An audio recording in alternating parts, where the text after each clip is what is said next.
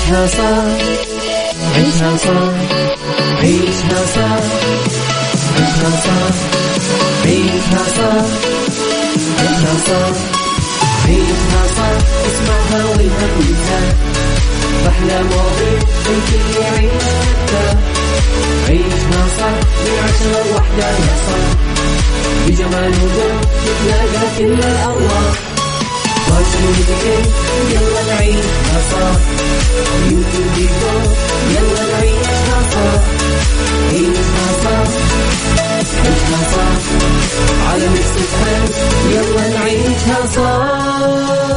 الآن عيشها صح مع أميرة العباس على Mix FM Mix FM Saudi's number one hit music station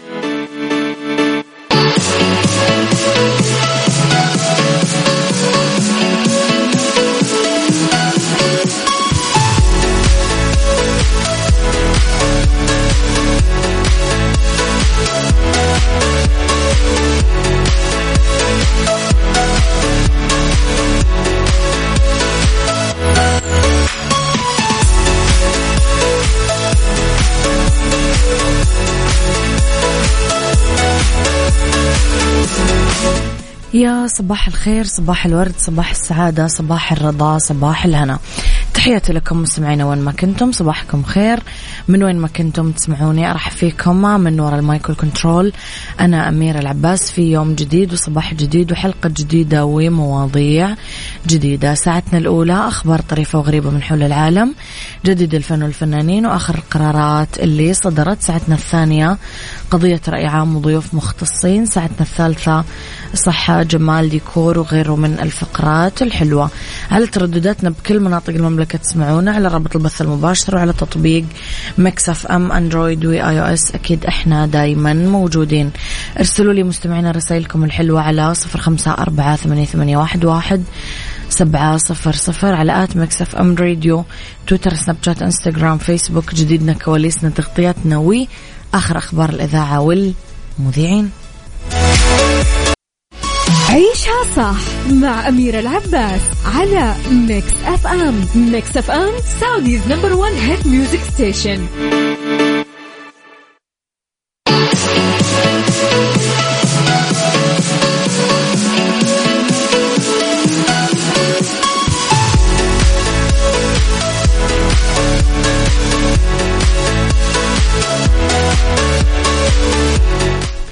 لخبرنا الأول في إطار استعدادها لموسم حج 1444 هجري. أعلنت وزارة الحج والعمرة عن تنفيذ تجربة افتراضية للاستعداد المسبق لموسم الحج هذا العام وذلك من منافذ الوصول إلى مكة المكرمة والمدينة المنورة. وضحت الوزارة كمان في انفوجراف نشرته في آه، تويتر إنه مسار الفرضية آه، مشتمل على اولا منافذ الوصول هي جدة مينا جدة الإسلامي وجدة كمان مطار الملك عبد العزيز الدولي آه، من المدينة المنورة مطار الأمير محمد بن عبد العزيز الدولي. ثانيا عندكم مراكز الاستقبال تتضمن النورية والهجرة ثالثا المساكن وهي مكة المكرمة والمدينة المنورة. طبعا بينت وزارة الحج والعمرة أنه التجربة تتم ب 500 حاج افتراضي بأربع رحلات طيران وحدة بحرية وخمسين رحلة حافلات من خمس مواقع انطلاق مع وجود مركزي استقبال وعشرين فندق مشارك. الله يبلغنا يا ربي تمام ونجاح الحج آه وتمام وسلامة حجاجنا يا رب. آه قدومهم وعودتهم بكل أمن وأمان بإذن الله تعالى يا رب. آه صباح الخير. أنا سلمى. أبي أقدم اعتذار لخطيبي بالرياض زعلته قبل كم يوم. اسمه عقل. آسفة. كل عام وأنت بخير مقدما ميلاده بعد كم يوم. خلاص يا عقل يعني اسمك عقل كبر دماغك و... ويعني العفو والصفح الجميل. الصفح الجميل. فخلاص يعني كلنا نغلط عادي. حلو الشخص اللي يعرف يعتذر يملك ثقافة الاعتذار يملك شجاعة الاعتذار. شخص جميل. عيشها صح مع أميرة العباس على Mix FM Mix FM Saudi's number one hit music station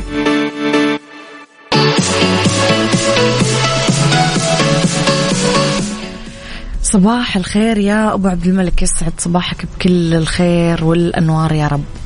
ليه خبرنا التالي أكدت الفنانة روجينا أنها ما شعرت يوم ابدا إنها مظلومة فنيا وقالت نجاح بطولتي المطلقة لمسلسل ستهم اللي عرض ضمن موسم المسلسلات المصرية لرمضان 2023 ما راح يمنعها من العودة لتقديم الأدوار المساعدة بأعمال مقبلة وقالت إنها بالأساس ممثلة ومستعدة لتقديم أي دور يرضيها فنيا. قالت عمري ما حسيت إني مظلومة طول عمري راضية بما يحدث آه، بالكم والكيفية والتوقيت وهدفي الاجتهاد بكل عمل مهما كان. أضافت روجينا هذا مبدأي طول الوقت لحد ما وصلت للبطولة في عدة أعمال وكل بطولة تزيد المسؤولية وبالفعل عندي مسؤولية كبيرة بعد ستهم لازم أفكر حقدم إيه. وعند تقبلها لفكرة أنه تقدم دور ثاني بعد البطولة المطلقة قالت طبعا أشتغل وليه أحرم نفسي من التواجد والعمل مع زملائي أنا مشخصاتية ودي شغلتي والدور عبارة عن شخصية حاخدها وأعيشها ولازم أشتغل مع زمايلي البطولات الجماعية فيها متع متعة وأشبه بالمباراة وهو أمر لا يتاح لو كان في البطولة المطلقة. رجينا رائعة رائعة. يعني أنا أحسها من الشخصيات اللي لن تتكرر في الدراما المصرية. شخصية كذا مختلفة آه، وجميلة ودايما لها بصمتها ولها أدوارها اللي ما ينساها المتابع. يعني دايما راح تتذكر دور روجينا لأنها تعمله بطريقتها الخاصة. عيشها صح مع أميرة العباس على Mix FM Mix FM Saudi's number one hit music station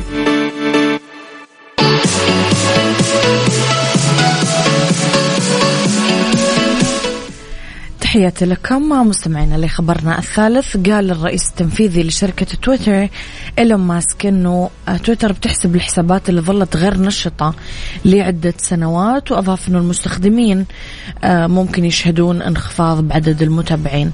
وفقا لسياسة تويتر يتعين على المستخدمين تسجيل الدخول على حسابهم مرة واحدة على الأقل كل 30 يوم لتجنب الحذف نهائيا لأنها ظلت غير نشطة لفترة طويلة. حذفت تويتر الشهر الماضي العلامة الزرقاء للتحقق من الحسابات من الملف الشخصي لآلاف الأشخاص حتى المشاهير الصحفيين السياسيين.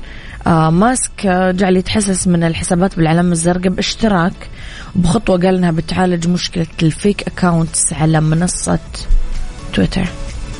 والله يا أيلون يعني ما أعرف قراراتك هذه لوين بتودي تويتر بس okay. يعني okay. عيشها صح عيشها صح عيشها صح عيشها صح عيشها صح عيشها صح عيشها صح. اسمعها والهم ينزاح أحلى مواضيع الكل يعيش عيشها صح من عشرة لوحدة يا صاح. بجمال وذوق تتلاقى كل الأرواح. يلا نعيشها صح يوتيوب يلا نعيشها صح عيشها صح عيشها صح على Mix يلا نعيشها صح الآن عيشها صح مع أميرة العباس على Mix FM Mix FM Saudi's number one hit music station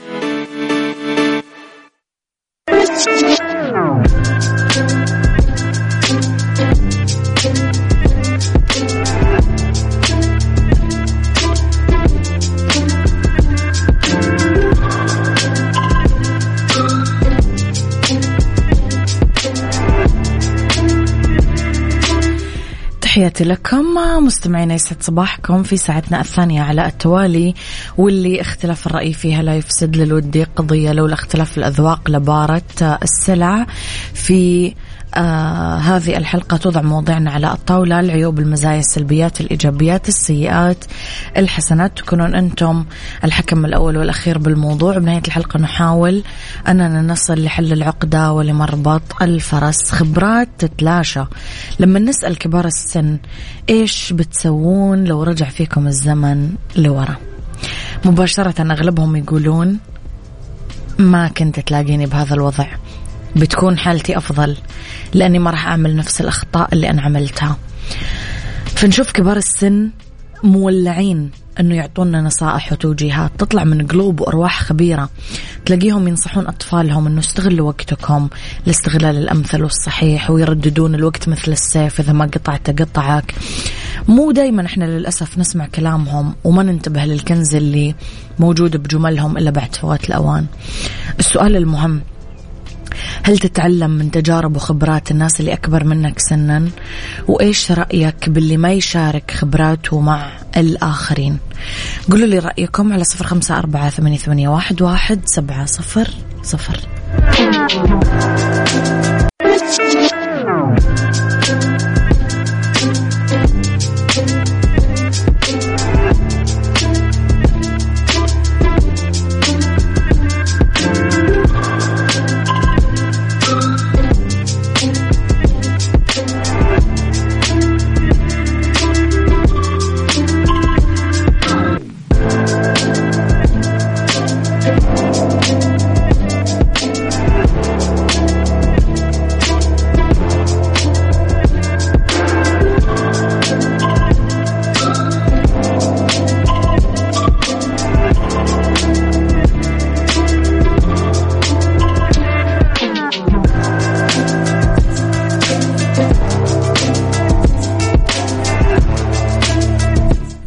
لكم مستمعينا.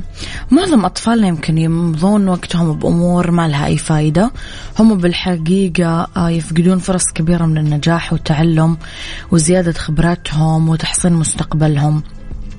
توماس أديسون قال شيء جميل. لا يجب أبدا إضاعة الوقت في اختراع أشياء لن يشتريها الناس. كثير من المشاكل اللي نقع فيها هي نتيجة قلة الخبرة عدم المهارة بالتعامل مع الموقف والأحداث بشكل سليم وصحي. هل من بيننا ناس سألوا ليش تنخفض المشاكل اللي تنتج عن كبار السن؟ يعني كل ما زاد عمر الإنسان تلاحظ أنه نسبة المشاكل بهذه الفئة تقل وتنخفض. ودون دراسات وبحوث ممكن رصد مثل هذا الواقع آه، ما يرجع السبب لقلة أعداد كبار السن لا. هم موجودين وعددهم آه، كبير وهم الخير والبركة بحياتنا لا. في سبب آخر يتمثل بالخبرة والمهارة الحياتية اللي اكتسبوها من التجارب اللي مرت فيهم والمواقف اللي تعرضوا لها. هذه المواقف هي اللي تجعل كبار السن أكثر حكمة وهدوء في التعامل والرد على كل حدث أو مشكلة تعترض طريقهم. مشاكل وصعوبات الحياة هي اللي صقلتهم وعلمتهم كيف يتعاملون ويعالجون كل شيء يعترض طريقهم. آه عبد الرحمن يقول الحياة في وجود ناس أكبر منك تتبع خبراتهم ونصايحهم تضيف لك عمر فوق العمر وتتخطى العواقب بسهولة. أبو عبد الملك يقول ممتن للي أنا عليه. من نعم الحمد لله والشكر لله رب العالمين. دائما وأبدا أطلع قدامه وأستفيد من دروس وأخطاء الماضي. مستمعينا آه، كل هذا النضج والحكمة ما هي إلا بمثابة سلعة تم اكتسابها أو شرائها لما دفعنا الثمن واللي هو مضي العمر. ومثل ما قال المؤلف المسرحي البريطاني توم ستوبارد العمر ثمن باهظ جدا لتدفعوا ثمنا للنضوج. فالنصيحة اليوم وللجميع خاصة البنات والشباب بال استأنسوا استأنسوا بكبار السن. بكل خطوة وبكل قرار استشيروهم. ما راح تخيبون ولا تندمون. الكل أم وأب. إذا أردت لأطفالك التميز وسعة التفكير قعدهم دايما مع كبار السن لأنهم كنز لا يقدر بثمن أبدا. عافيتك ضمن عيشها صح. برعاية مجمع العيادة الأولى بجدة على Mix FM يسعد مساكم مستمعينا تحياتي لكم وين ما كنتم. مساكم خير من وين ما كنتم. تسمعوني اليوم راح يكون معنا طبعا برعاية المركز الطبي الدولي. آه طبعا راح يكون عندنا فقرة طبية. راح نتكلم اليوم على طب كبار السن وأمراض الشيخوخة راح أستضيف في الاستوديو إن شاء الله. اليوم ضيفي دكتور عمار الخوتاني أخصائي أول الطب الباطني من مجمع العيادة الأولى بجدة. لو عندكم أي سؤال مستمع مستمعينا مرتبط بهذا الموضوع. كرما اكتبوا لنا إياه على صفر خمسة أربعة ثمانية, ثمانية واحد, واحد سبعة صفر صفر. آه إذا مستمعينا لا تنسون كمان تتابعونا على ال social media على at Mix FM Radio تويتر سناب شات إنستغرام فيسبوك وترسلوا لنا رسائلكم مجددا على رقم الواتساب صفر خمسة أربعة ثمانية, ثمانية واحد, واحد سبعة صفر صفر.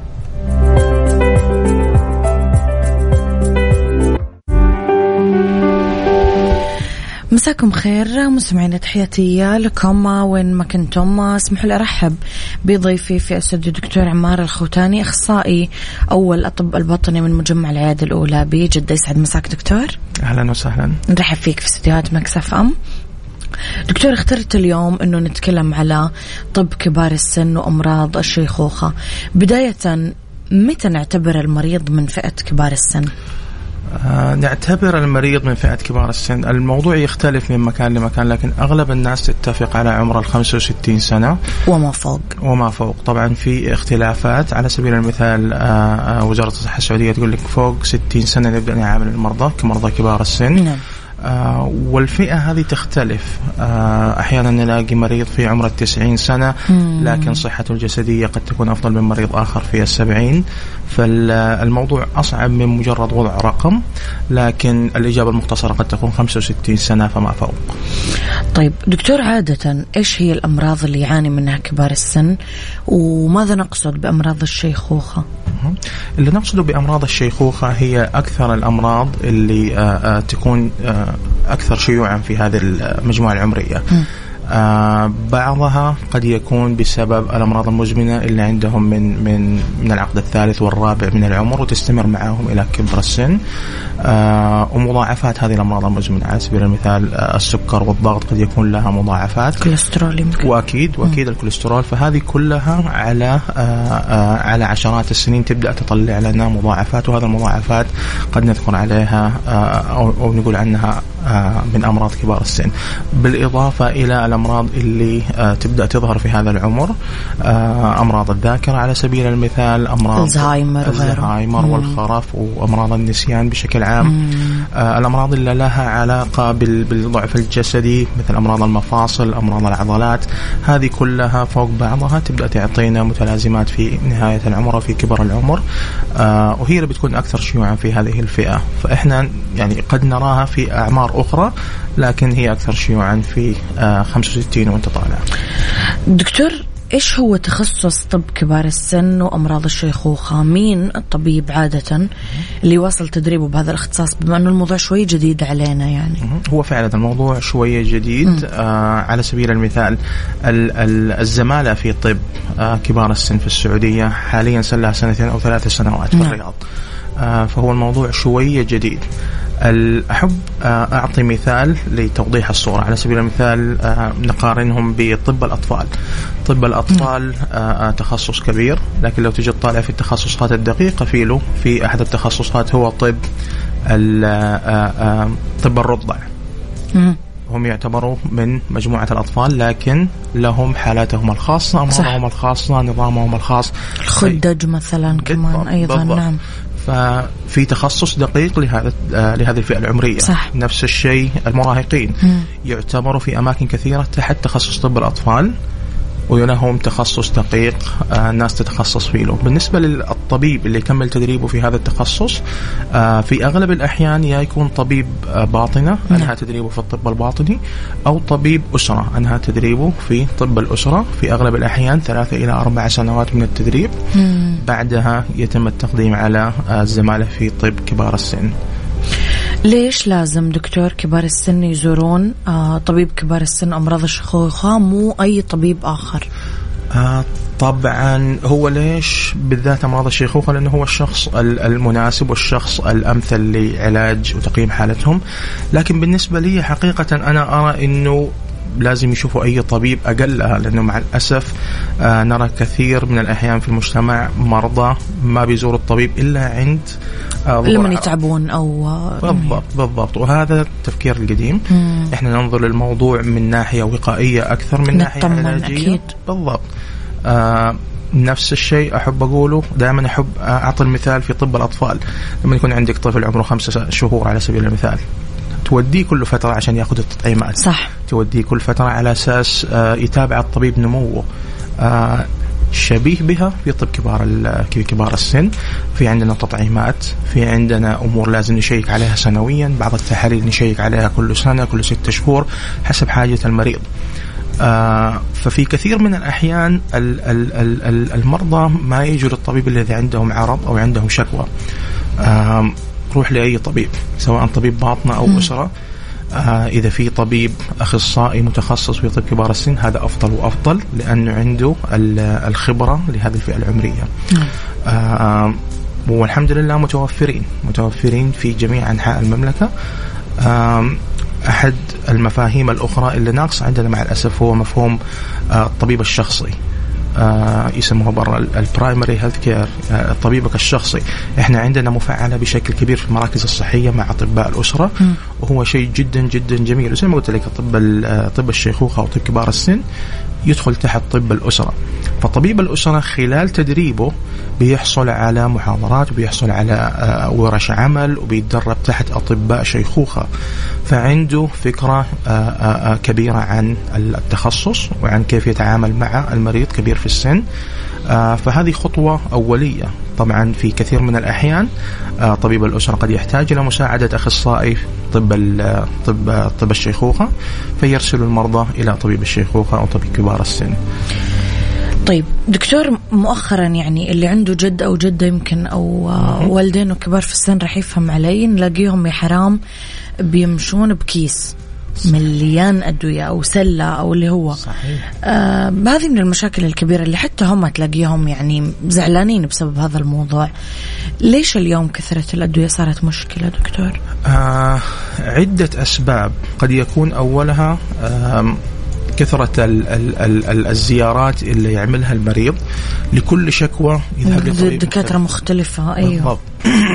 نعم. فبيروح عند أكثر من طبيب كل طبيب بيوصف له علاج مم. حسب المشكلة وحسب تخصصه آه ينتهي المريض بمجموعة كبيرة من الأدوية بعضها يحتاجها بشكل ضروري جدا بعضها حاجته لها قد تكون يعني فترة أو من فترة أو بعضها مؤقتا ما يحتاجها أبدا آه. آه ينتهي المريض بأنه ما يعرف أية المهم وأية الأقل أهمية وأية الضار بالنسبة له لأنه طبعا كله دواء وله آثاره الجانبية. أنا أشوفهم آخر شيء يصيرون ما يأخذون ولا شيء.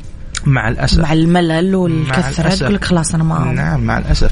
آه في مرضى يجوني في العيادة ب 30 علبة أو 30 نعم صح. هذا غير الكريمات غير القطرات. آه وما يعرف أية أهميته أكثر. آه ال- ال- المشكلة الأخرى اللي تحصل آه قد يكون ماشي على دواء لمدة سنين. آه يغلق الدواء في السوق فيبدأ يجيب دواء شبيه بيله يرجع الدواء الثاني الأولاني فالآن بيأخذ نفس الدواء باسمين مختلفة. آه تحصل كثير ومع الأسف أضرارها آه جدا شائعة وفي بعض الأحيان خطيرة جدا. وبيلخبطوا أحيانا دكتور. يعني الدواء اللي يكون لازم يأخذه أكثر من مرة في اليوم يأخذ بداله شيء لازم يأخذه مرة في الأسبوع وهكذا. صحيح. طيب دكتور نروح شوية لضعف الحالة الأدراكية والعقلية اللي تصيب بعض كبار السن. مهم. إيش الأعراض اللي ممكن تظهر على المريض بسبب هذه الإصابة؟ وهنا ننتبه على طول إنه في مشكلة. طبعا ال- ال- الموضوع آه، آه، قد يكون شوية معقد لأنه في آه، مع التقدم في العمر شيء طبيعي راح يكون في بعض تباطؤ في أو أو ما نقول تباطؤ يعني تباطؤ. نعم. تباطؤ في الحالة أو أو في سرعة آه، آه، تحليل المعلومات. استجابة مع بالضبط. حوارنا. بالضبط. فهذه كيف تفرق بينها؟ بين حاجة طبيعية تحصل مع تقدم الإنسان في العمر ومشكلة مرضية قد تحتاج إنه ال- ال- ال- الطبيب يعالجها أو يعطي لها آه، آه، يعمل لها التحاليل أو الاختبارات اللازمة. آه، لازم المريض أو أهل المريض يجيبوا للطبيب. أطباء ال- ال- المخ والأعصاب، أطباء النفسية وطبعا استشاريين ال- طب كبار السن كلهم جزء أساسي من تخصصاتهم كيف يتعاملوا مع هذه الحالات. نرجع للسؤال اللي قبله حق تعدد الأدوية. نعم كثير منها يأثر على الحالة آه. الذهنية كثير منها فيما بعد بالضبط كثير منها يأثر على الذاكرة آه كثير منها لما تعطيهم لأشخاص في أعمار الثلاثين أربعين سنة ما عندهم أي مشكلة تعطيها لمريض في الثمانين سنة يبدأ يأثر على حالة الإدراك عنده للأسف. بشكل كبير دكتور هل كل حالات ضعف الذاكرة غالبا يكون سببها مثلا إنه كبير السن عنده ألزهايمر؟ لا لا لا. طبعا الألزهايمر هو حاجة جدا شائعة. مم. آه لكن هي تعتبر ال- ال- ال- الحالة أو المرحلة الأخيرة من أمراض ال- ال- أمراض الذاكرة وأمراض الخرف الادراك العقلي. بالضبط. لكن في مراحل كثيرة قبلها آه زي ما قلت لك قد تكون بسبب الأدوية. واحدة من الأشياء الأكثر شيوعا خصوصا نراها عند الناس آه بعد عمر 65 سنة بعد عمر التقاعد آه آه. ال- الاكتئاب. نعم. الاكتئاب قد آه، آه، يظهر نفسه. أو غيره. بالضبط قد يظهر نفسه بفقدان ذاكرة أو عدم آه، تفاعل المريض مع محيطه. قد ينظر له بعض إنه والله المريض عنده مشكلة في الذاكرة. لكن لما يجي للطبيب نعمل الفحوصات اللازمة ونعمل ال- الفحص السريري يتبين له والله إنه هذا اكتئاب أكثر من إنه مرض ذاكرة. الزهايمر نفسه هو نوع محدد من أنواع الخرف. في أنواع أخرى واحدة منها قد تكون آه لا سمح الله بسبب جلطات في المخ. لذلك نرجع للشيء الأساسي اللي كنت بقول عليه آه الأمراض المزمنة السكر الضغط الكوليسترول هذه كلها تحتاج متابعة حتى لو المريض ما يشتكي من شيء. لأنه مضاعفاتها جدا متعددة وغير أنها جدا متعددة قد يكون لها أثر على الذاكرة بالإضافة إلى أشياء أخرى. دكتور يعني هل يمكن اليوم نعالج كبار السن إذا أصيبوا بضعف الحالة الإدراكية والعقلية؟ طبعا في الموضوع ناس على طول تفقد الأمل. لا لا. طبعا الموضوع يعتمد بشكل كامل على نوع التشخيص. آه لما نقول ضعف في الحالة الإدراكية هذا هذا الشيء يعني يشمل أمور كثيرة جدا. زي ما تكلمت إذا كانت بسبب الأدوية نعم. قد نضطر إننا نوقف الأدوية اللي هي مسبب المشاكل. إذا كان بسبب الاكتئاب ممكن نعالجه. آه في كثير من الأحيان قد تكون آه، مراحل أولية من أمراض الخرف أو أمراض الزهايمر. في هذه الحالة نقدر نخلي المريض يتعامل معها بأسلوب أفضل. آه، مع الأسف في كثير من الأحيان في المراحل المتقدمة مع الأسف ما نقدر نعمل للمريض أكثر من آه، عناية تحاول تخليه يتعايش مع المرض.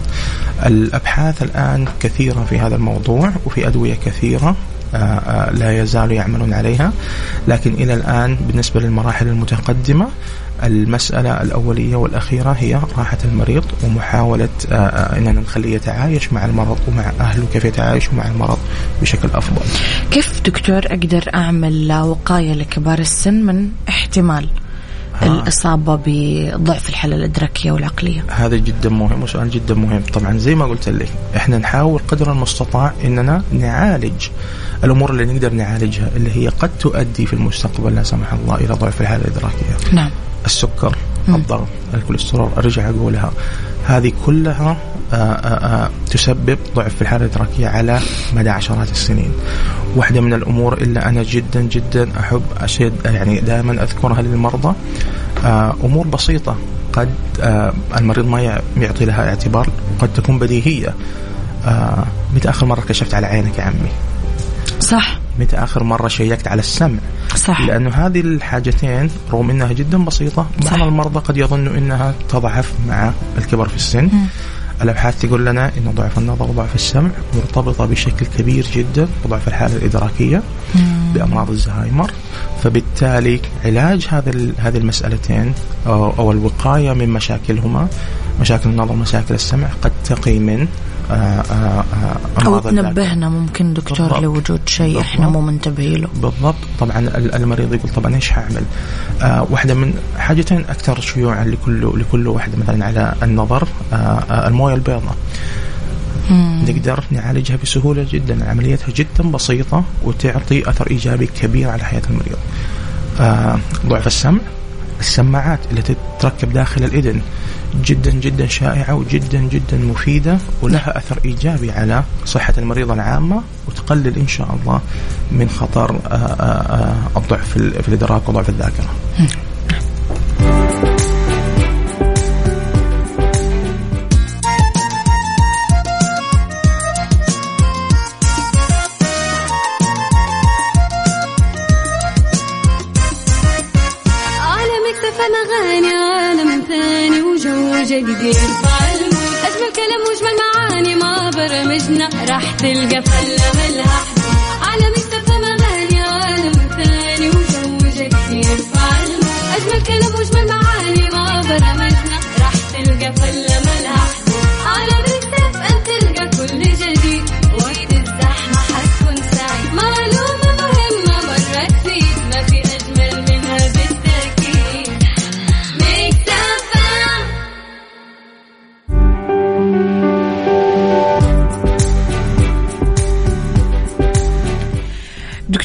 بعض كبار السن يتم تشخيصهم بما يسمى بالوهن أو فقدان الكتلة العضلية.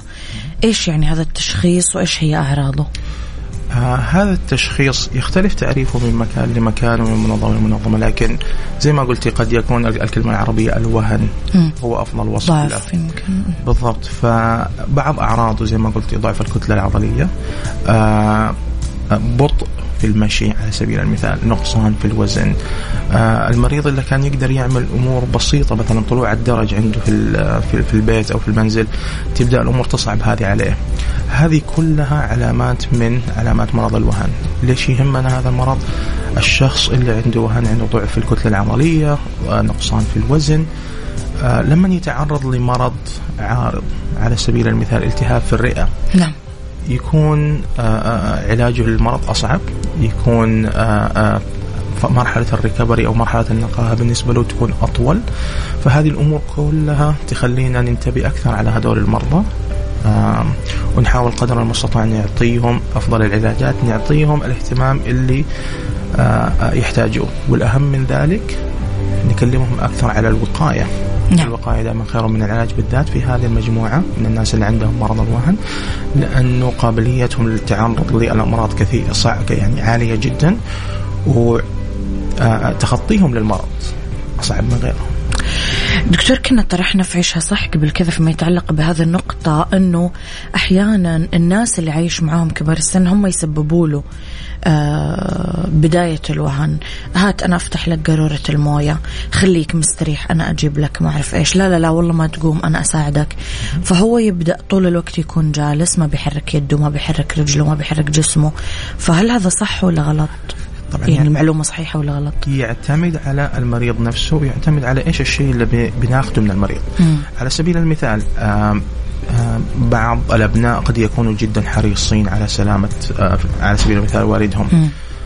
ما يخلوه يخرج من البيت أخاف عليك يا بابا تطيح. آه، فبالتالي بنمنع عنه أشياء كثيرة مثل رياضة المشي بالعكس إذا المريض آه، نقدر نخليه يمشي نقدر نخليه يمارس حياته اليومية نشاطاته بشكل آمن هذا أفضل من أي علاج نقدر نعطيه هو. نعم. فأنا دائما أقول لي المرضى وأهاليهم خلي المريض على قدر استطاعته. آه ما حقول يتحرك. بالضبط ما حقول له روح النادي أرفع لي أوزان على طول. لكن إذا يقدر يمشي خليه يمشي. إذا يقدر يعمل اموره الشخصية بنفسه خليه يعملها بنفسه. وهذا برضو يدخل, يدخل علينا صعوبة في التشخيص في مراحل أخرى. نقول للمريض هل والله يا عمي تقدر آه على سبيل المثال تدفع فاتورة جوالك بنفسك؟ على أساس بحاول أقيم الحالة الذهنية عنده نعم. يقول أنا والله ما قد عملتها من من عشر سنين دائما. أولادي مثلا بيعملوا لي هي. فأنا ما أعرف هل هو ما بيقدر يعملها لأنه عنده نقص أو لأنه آه، الموضوع أخذ منه من أساسا. آه، يصير في اتكالية خلاص أنتم اعملوا بالضبط, لي. إيه. بالضبط. لا خلي المريض يقدر يعمل ويمارس حياته اليومية قدر استطاعته الأهم بشكل آمن. نعم. دكتور ليش يصيب آه، آه، كمان أيضا كبار السن كثير يشتكون من موضوع الأمساك؟ ها موضوع الأمساك. موضوع الأمساك يعني عد له عدة أسباب. نعم. آه اثنين منها من أكثر الأمور اللي أنا أشوفها. الشيء الأول كمضاعفات للأمراض المزمنة زي السكري آه لأنه يصيب ال- ال- الأعصاب اللي تتح... آه، يعني مسؤولة عن عملية حركة الأمعاء. آه قد يكون بسبب الأدوية. بعض الأدوية تسمى من أعراضها الجانبية الامساك صحيح. قد يكون بسبب الغذاء قلة التغذية. قلة التغذية أو نوع التغذية اللي بياخذها المريض. آه لما المريض ما بياخذ آه فواكه ما بياخذ ألياف آه خضار في آه في في في غذائه هذه كلها قد تسبب إمساك. آه شرب الموية. ما بيشربوا كويس. بالضبط. قلة شرب السوائل هذه كلها تسبب إمساك. آه أحب أضيف أنه مشكلة الإمساك ما هي مشكلة لحالها لأنه مشكلة الإمساك قد تؤدي إلى مشاكل أخرى آآ آآ يعني شوية مزعجة وشوية زيادة صعوبة على حالة المريض على سبيل المثال الناس شروخ وغيره تقصد دكتور؟ بالإضافة إلى هذا سلس البول سلس البول كمان الناس اللي عندهم إمساك بشكل كبير ما يقدروا يتحكموا بالبول آه، بشكل كبير صح. فله علاقة سلس البول بالإمساك آه، فعلاج الإمساك قد يساعد في علاج سلس البول أيضا وممكن دكتور أحيانا ننبه الإمساك لوجود مشاكل أخرى بالجسم صح؟ مهم. أكيد أكيد فعلى طول لازم يتعالج. طيب آه بالختام دكتور إيش النصيحة اللي ممكن نقدمها للمستمعين آه من أجل رعاية كبار السن وتحسين جودة آه حياتهم، إمكانية علاجهم أو وقايتهم من كل ما سبق اللي هي أمراض الشيخوخة. مهم. طبعا الشيء الأول هو ال- ال- ال- ال- الفحص مع الطبيب نعم. زيارة الطبيب. حتى لو المريض ما عنده مشكلة يشتكي منها. إذا بنتكلم عن الوقاية والوقاية خير من العلاج. جيب المريض خلي الطبيب يعمل تقييم شامل لحالة المريض. تقييم شامل لكامل وظائفه لكامل آه، القدرات الجسدية الذهنية. بعدها القيام بخطة علاجية مع الطبيب والمريض وأهل المريض. هذه إن شاء الله مع استمرارنا عليها راح يؤدي إن شاء الله إلى تقليل من فرص الإصابة من أمراض الشيخوخة راح يؤدي إلى حياة أفضل وجودة حياة أفضل آه، مو بس للمريض بل لأهل المريض والناس اللي يقوموا برعايته صح. دكتور نورت حلقتي. الله يعطيك. ألف عافية. أشكرك شكراً دكتور. شكراً جزيلاً. شكرا لك. دكتور عمر الخوتاني اذا عمار أخص... عمار. عمار عفوا الخوتاني أخصائي آه، أول الطب الباطني من مجمع العيادة الأولى بجدة. حديثنا اليوم كان عن طب كبار السن وأمراض الشيخوخة اللي فات الحلقة. مستمعينا تقدرون تسمعونها على آه، تطبيق Mix FM على أندرويد و iOS. كل الشكر. آه، دكتور عمار. تحياتي لك. شكرا جزيلا.